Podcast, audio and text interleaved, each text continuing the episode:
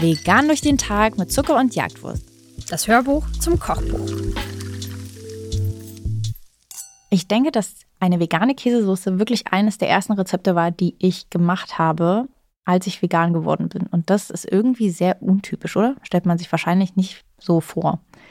Dass man direkt mit einer Käsesoße startet, die auch noch wirklich fantastisch nah ans Original kommt, wenn man so will, obwohl nur Gemüse drin ist. Und das ist nicht unsere Erfindung gewesen. Deswegen, ich heim, heim Sie mir jetzt keine Credits ein. Irgendjemand Raffiniertes hat irgendwann mal ein bisschen Gemüse mit Cashewnüssen ein bisschen in, geköchelt und dann püriert und hat gemerkt, dass das einer Käsesoße ziemlich nahe kommt. Ja, der funny Part ist, dass ähm, es geht natürlich um Mac and Cheese. Dass wir Mac and Cheese machen und keinen Käse benutzen. Normalerweise ist in Mac and Cheese ja unterschiedlichster Käse drin, oder? Wenn man das möchte, ja. Wenn man das möchte, ja. Wir wollen das nicht. Wir wollen das gar nicht, aber ich sag euch mal, ich habe mal einen Käsesoßenwettbewerb gewonnen, weil mich eine Person gechallenged hat und gesagt hat, dass man ja wohl kaum Käsesoße vegan machen könnte.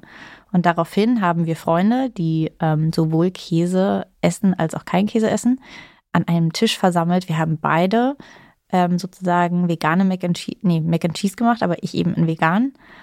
Und statt sagen, ich habe gewonnen. Ich hätte jetzt gerne so einen ähm, künstlichen Applaus, den man einfügen kann, der in so Sitcoms im Hintergrund ist. Ähm, also ich habe haushoch gewonnen, ehrlich gesagt, äh, mit diesem Rezept. Es hat keine Person, und die waren alle nicht vegan, weil sonst hätten sie die andere Soße ja nicht kosten können. Ähm, alle fanden tatsächlich die vegane Käsesoße besser. Es war auch ein, natürlich ein ähm, Secret. Also man hat nicht direkt, wir, wir, haben nicht gesagt, das ist die vegane und das ist die nicht vegane. Äh, man hat einfach zwei Teller bekommen und naja, jetzt könnt ihr hier den Gewinner, das Gewinnerrezept teilen wir hier mit euch. Ganz schön viel Lobhudelei hier. Wie gesagt, ich, ich kann es nicht mal sehr für mich einheimsen. Ich bin nicht auf die grundsätzliche Idee gekommen. Wir haben das natürlich irgendwo gesehen, haben es nachgemacht äh, und haben es dann im Prinzip über die Zeit so abgewandelt, wie wir das irgendwie am besten fanden. Ich weiß zum Beispiel nicht, ob immer vegane Sahne drin ist.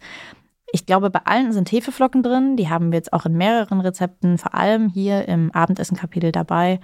Ähm, das ist im Prinzip ein Würzmittel. Es handelt sich hier nicht um frische Hefe, um Aktivhefe, die ihr zum Backen benutzt. Es ist einfach eine Hefe, die so einen Umami-Geschmack, einen deutlich tieferen Geschmack äh, Gerichten gibt. Das ist wirklich ein kleines, ähm, ein kleiner Geheimtipp. Den muss man aber nicht immer nur auch für Käsesoßen und so benutzen. Man kann den auch einfach zum Beispiel auf, also in Gemüsegerichte streuen. Es sorgt einfach für einen viel runderen Geschmack. Das gleiche im Prinzip passiert auch mit der hellen Miso-Paste. Ähm, die würde ich jetzt fast auch als optional ähm, angeben, weil man eben auch durch die Hefeflocken ähm, diesen Effekt ein bisschen erzeugt. Ich mag die aber sehr, sehr gern. Ähm, das ist eine, die kommt aus Japan und das sind fermentierte Sojabohnen. Es gibt auch, die können auch aus anderen ähm, Sachen hergestellt werden, zum Beispiel aus Reis oder aus Gerstenmalz. Dementsprechend gibt es auch eigentlich super, super viele Misopasten.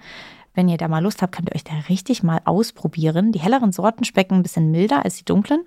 Deswegen sind die gerade, wenn man noch gar nie mit Misopaste gekocht hat, gut für den Einstieg, würde ich sagen, um sich auch in Anführungszeichen erstmal an den Geschmack zu gewöhnen. Aber danach kann man auch die dunkleren nehmen. Es gibt sogar auch welche, die süßlich schmecken, die man zu backen benutzen kann. Aber ist auf jeden Fall eine Zutat, die wir, glaube ich, immer in der Küche haben. Klasse. Und dann hast du dir ja noch ein Topping einfallen lassen, richtig? Das stimmt. Ähm, bei Nudelgerichten, auch bei uns, äh, seht ihr oft veganen Parmesan. Das ist halt relativ klassisch, auch dass man bei Nudeln generell eine Art von Streukäse drüber gibt.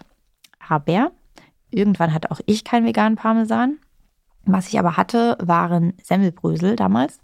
Und die habe ich einfach für so einen kleinen Crunch so ein bisschen in der Pfanne angerüstet. Und dann habe ich Knoblauchzehen da reingerieben äh, und nur mit Salz und Pfeffer gewürzt. Viel mehr war es nicht. Ähm, der Crunch wird aber noch größer, wenn ihr Panko verwendet.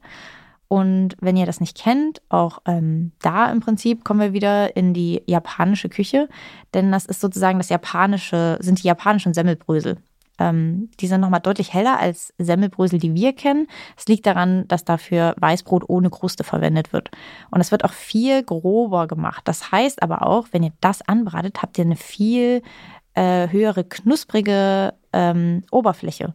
Das heißt, Semmelbrösel sind ja einfach klein und rund. Da kann jetzt gar nicht so viel mehr passieren.